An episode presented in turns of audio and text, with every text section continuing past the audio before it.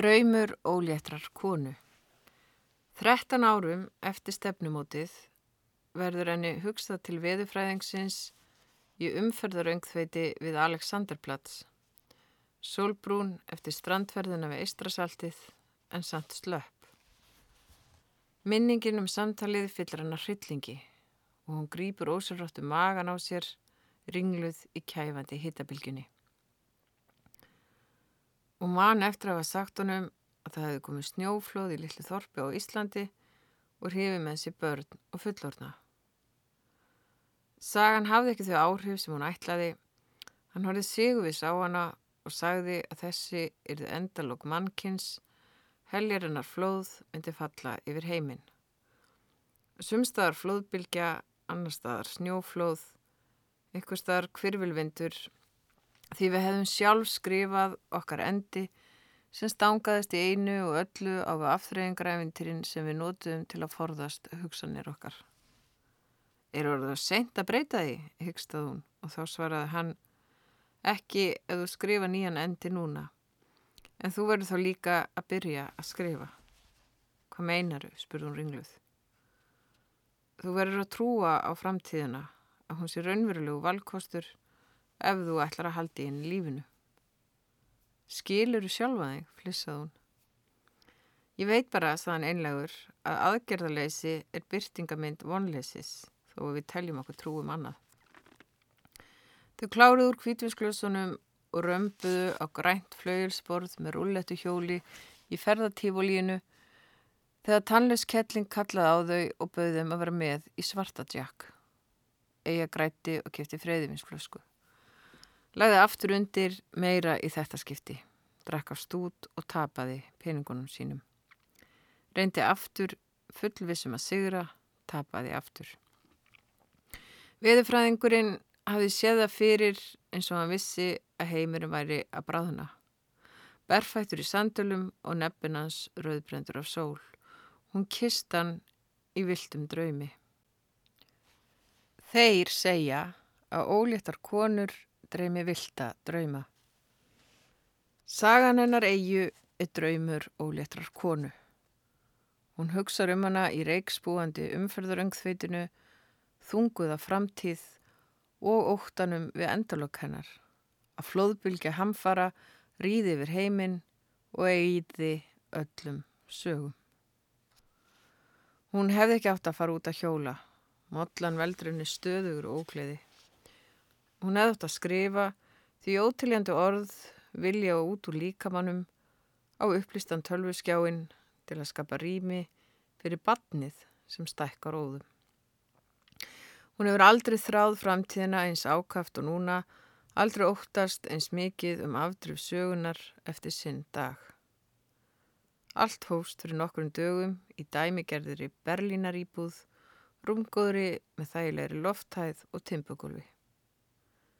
Mér er óglatt, kallaði hann upp úr fartölfinu sinni innan úr stofunni. Framtíðareigimadurinn satt með aðra fartölfu úti á svölum og lit ringla í klökum í ísteginu sínu.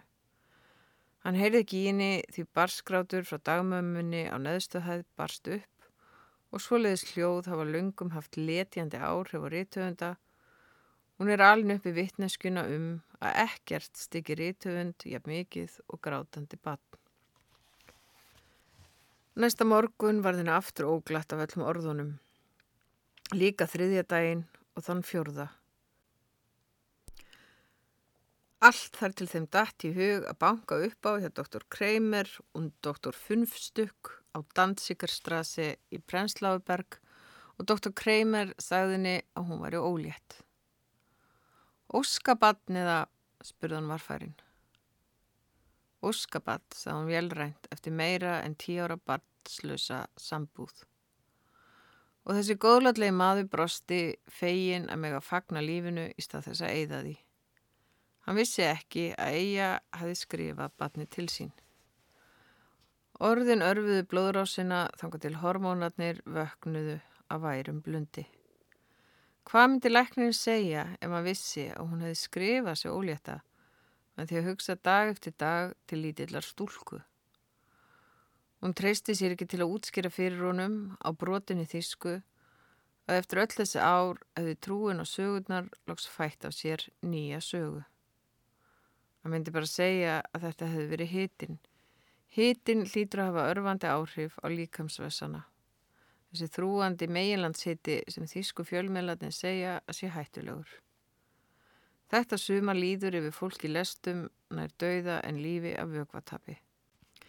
Geislavirkum villisvínum á stjái fjölgar í Berlín og það sést í fjallaljóns við eistrasaltið. Hjón sáði bregða fyrir og hverfa, svo byrtist það aftur og kvarf aftur. Var þetta hita óráð eða flóttaljón úr skóunum sem brunnu kringum Moskvu. Loftlagsbreytingar andvarpa bladamenn í sama vondöfa betur vitringstóninum og veðufræðingurinn forðum langþreyttir á að tyggja það sama og henni lesendur sína dag eftir dag. Það er eins og að hella vatni við gæs og endurtekningar verða endurtekningar samari en ella í hitabilgu. 40 steg hiti og fólki brennur eins og tríen. En eiga trúi nógu stert á framtíðina til að skrifa. Staðræðan í því að skrásetja andartökin. Því gamla lífið hennar er senn á enda, segi Dr. Kramer, og hún verður að ná að skrá andartökin áður en þau hverfa. Einu sinni áttu hún von á sinni fyrstu bók, nú á hún von á sínu fyrsta badni. Nýja lífið hreyðrar um sig í maganum svo hann að svimar þegar hún hjólar í reiksbúandi umfyrðaröngþveitinu við Alexanderplatz. Sekundu brot öfundur hún þá sem kneifa freyðandi ölið, síðan verður henni óglatt við tilöksunina. Hún getur ekki einu sinni komið niður hressandi kaffisópa. Þingslaleg hend færist yfir hana, allt gerist hægar en áður og fjarar út í hitamistrinu. Ungveri rennu saman í móðu sem leggst yfir húsin. Móðan leggst yfir flísarnar á strætunum og smáfuglana sem hoppa á útikaffihúsunum. Að síðustu leggst hún yfir tölvuskjáin. Engin hefur sagt eigu hvernig það er að skrifa í meðgöngumóðu. Yfirgnæfandi hlutvall Karla í rítvendastjætt í gegnum aldinnar er skiljanlegt. Mátt van á þreitu horfur hún á framtíðareimannin þar sem hann situr í saklísu sínu úti á svölum og skrifar á fartölfuna um árin þegar hann var götumálari á suðrænum slóðum. Berst við löngunina að æla yfir liklaborðið hans. Nokkrum dögum síðar hittaði þíska þýðandanennar á kaffi smjör. Unga mann sem er sjálfur lífsglæður í töfundur. Hann afsakar að hafa ekki látið fyrir sér heyra, hann hafi nefnilega haldið til í lestum síðustu vikunar að skrifa bók. Hann eigi lestakort sem ger honum klift að bruna um viðfemt landið alla daga með fartölfu og iPod. Við finnst best að skrifa í lest, segir hann kíminn og brosir þannig að kringluleitt andliti ljómar undir stráksleiri klippingunni. Hann er ljósarður með glettið augnaráð. Halfur Íslendingur og satt að segja frekar Íslendingslegur ef hún getur leift þess að segja svoliðis íslensk stelpa sem var kvöldu Tyrki þegar hún dvaldi í Svíþjóð. Mér finnst líka gaman að skrifa í lest. Það er skemmtilegt sem ég veit er að hlusta tónlist og drakka kaffi í lest. En það er bara enga lestir á Íslandi, segir hún afsakandi. Því allt bendi til þess að í framtíðinni ef hún ekki eftir að geysast um skrifandi í lestum heldur skjögra um í vestubæri Reykjavíkur með rándýra innflutta bleiupakka sem fara hækkandi eftir því sem kreppan dafnar. Fyrir varir verður pakki af pampersbleium dýrari en flugmiði yfir á meginlandið.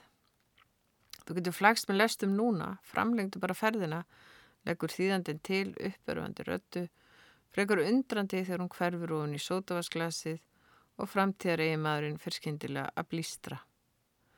Hann velti fyrir sér hvort hann hafi sagt eitthvað óviðegandi og flýti sér að bæta fyrir það með því að segja eigu að henni bjóðist að koma fram á fítni bókmæntaháttíð í Köln. Það lipnast nakvast yfir henni og hún er í þann mynd að þykja bóðið þegar framtíðar eigimadurinn leggur spilin á borðið. Ég hrættur um að hún verði nýkomin heim að fæðingadeldinni, segir hann með stríðnisklampa í brúnum augum. Þýðandin fölnar eiga sparkar í eigimannin sem blikkar þau bæði og sípur og sóta vatni henni til samlætis. Hún verður ekki haggað frekar en fyrir daginn því síður veruleikanum. Þýðandin sér sér aftur knúin til að rjúfa þögnina. Hann viðurkennir að hafa fyrða sig á því að Bartles rítufundur væri að hanga þetta í Prensláuberg, mekku badnafjölskyldna í Berlín. Raunar megi valla til að sér á stól í Prensláuberg að hans að verða óléttur. Mennitin hlæja en brandarinn veku gelgjun upp í eigu eins og rítuöndunum mínu finnist púkalegt að vera óléttur. Rítuöndur er kallkynsorð svo afgerandi að kona sem skrifar er alltaf að hluta til karl og á einhvern einkinnilegan hátt á hún erfitt með að afsala sér því. Sérviskulegum forréttundum sem hún hefur komið sér upp í gegnum árin. Í þetta sinn gengur hún með bann en ekki bók. Hún sem er alltaf huggað sér við að vera rítuðundur fyrst henni mistókst að vera alvöru kona. Það eina sem hún veit í sinn haus er að óteljandi konur hafa hægt að skrifa þegar er áttu börn. Í þetta sinn likur henni lífið á að skrifa, til hvers annars að fæðast í þennan heim. Veröld sem var. Mamma lætist um húsið þegar hún var lítill. Uss, pappir að skrifa, kondin í eldhústi mín, hvíslaði amma. Ung og lekkar á háum hælum með stutt að svundur erðaðum sér miðja og hárið fallega lagt. Hún bjóti saladressingu úr appelsínum og jógurti með annari hendi, hræði pottum með hinni. Buff strókanofsósan lag yfir barmana á ljósröða pottinum. Ilmjörtir dönsuði í gólunni sem barst innum eldhúsklukkan. Hún var nútíma kona og hún vissi það. Maðurinn hennar var stopnun. Hún gangverkið í þeirri stopnun. Og hún helgaði sig hlutverkinu líkt og hann helgaði sig skriftunum. Velritaði handreitin þanga til giktinn bara ná ofiliði. Lagði á borð fjóru sinum á dag. Púsaði Silvin hífapur detúaði við blómaglökan. Klættuði upp fyrir galavislur. Pakkaði hann í töskur þegar farið var til útlanda. Þóði klósettið. Mókaði snjóinn frá dyrunum. Svaraði posti frá skattinum. Reyndi að muna fyrir hann í hvaða bank á hólfum hann hafði glimt greiðslum fyrir bækuna sínar. Fóð með bílinn til byrjvélavirkjans. Hann skipti aldrei um bleiðu.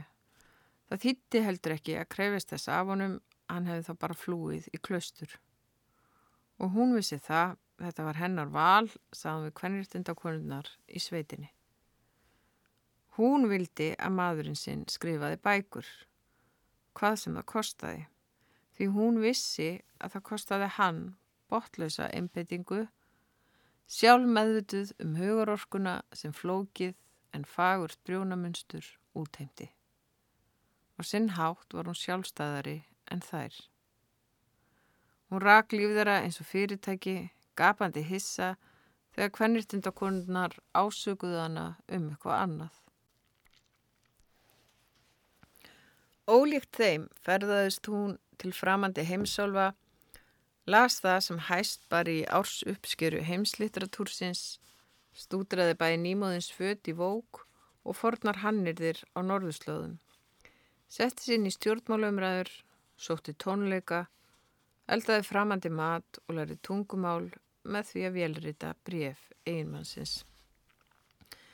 Hún vann sleitulust eins og mamma hennar hefði kent henn að gera nema hvað hún nöyð listisemda heimsins í ríkari mæli en mömmuna óraði fyrir að væri gerlegt. Amma saði eigi frá mömmu sinni meðan þar að getu sér á konfektinu úr fataskapnum að safa sem hafði að gema byrðir af flugfröybjór, að hafa vanavindlum og súkuleði í gjafakörfum með reikföllnum jólaskreitingum. Mikið er þetta gott, smjöttuðu nöfnurnar í svefnarbyggjunu hennar ömmu og opniði þriðja konfettkassan þegar takkart byrtist á sjónvarskjánum. Eitt af öllum þessum kvöldum þegar Eija hafði sagt upp ennætni legukitrun í Reykjavík en þó ógift og án sínilegs tilgangs. Allt í einu byrtist mamma í dyragættinni hjá þeim til að byggja hann um að passa. Eija leitt byggjandi ömmu sína sem las undir einsi augnar og nöfnunar og spurði dóttu sína hvort það var ekki bölfuð vittlisa í henni að æða á ball svona seint þegar henni var í Guð velkomið að horfa sjónvarpið með þeim og líka henni litlu. Hún ætti nóga gottir í að henda þeim öllum. Mamma skipti litum. Hún hverstu augun til skiptis á móðu sína og dóttur og letar heyra að það veri óhugnalegt að horfa upp á eins langt leita sigurfíkla. Ég skil bara ekki hvernig þið tvær getið endalist tróðið í ykkur gottir í, fussað hún. Þið verið spikfeitar og ekki er nú áða bætandi. Nei, við erum að mjóka, mótmælti Amma Sár og skellti öðrum fætu upp á sjónvarskimilinn til að sína henni nýju nutt inni skona sem gældu við þrútna fætuna. Við drukku nú på létt, ég er að bara segja hátteginu, bættum við og eigi að borða alla rauðu tómatana af plöntunni í eldurskluganum. Eigi að kinkaði samþykjandi kolli og spáði í að fá sér líka nuttinni sko en fyrir um daginn hafði ammenna talið hann af því að raka á sér fæturna með þeir rökum og hún hefði sjálf aldrei rakað á sér fæturna en afa samt alltaf fundist hún sexy. Hún var sexy með krullur, skemmtilega skakka tennur upp í djúpa spjekkoppa og ólgu í augnaræðinu. Morgun eftir stakk amma upp á því að þær eiga prófiðu næst hörbalegt uft. Ótröð að kynna sér nýjungar á gamals aldri, bæði matseld og megrunaráðum. Þegar eiga fjálst að það flýtt hún sér að gera yngöpulesta yfir léttmyndi og þreif ískápin í einum logandi kvelli til að fylla hann af hotlustu. Ömmu fann svo gaman stúsast að eiga ránkvöldi bara augunum Þegar mamma saði íllkvittin að mamma sín tæki aldrei frí nema til að láta fjarlæga æðanhútana. Í huga ömmu var frí reynasta kvöl og pína, ef orðið hafði þá nokkra merkingu yfir höfuð.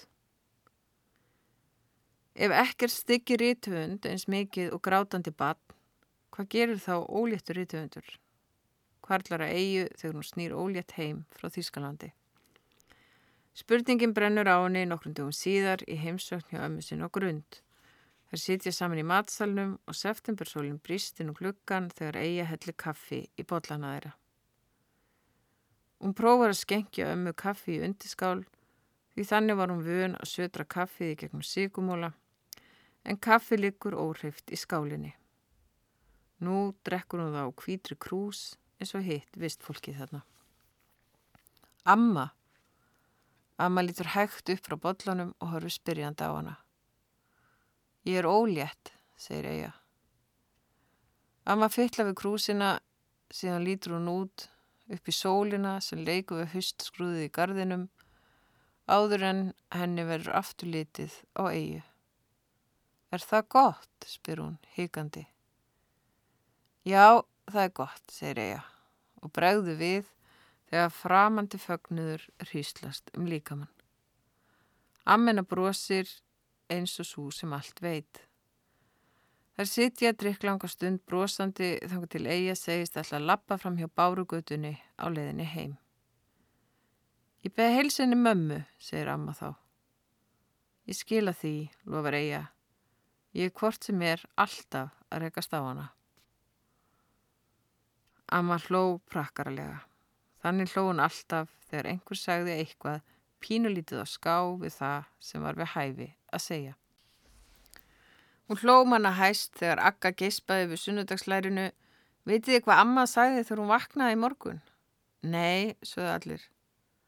Eru þið allir í sama fókbóltaliðinu? skríkti Akka og amma hló svo djúpum hlátri að hún dúaði öll. Akka hefur lagað að segja og gera hluti í trássi við óskráð lög. Ömmu finnst hún líka yngri dóttur sinni sem dals til að setja á sig hatt skandinavísku drottningarinnar þegar hún heimsötti bókmyndaafan með flúraða sumarhatta til skiptana.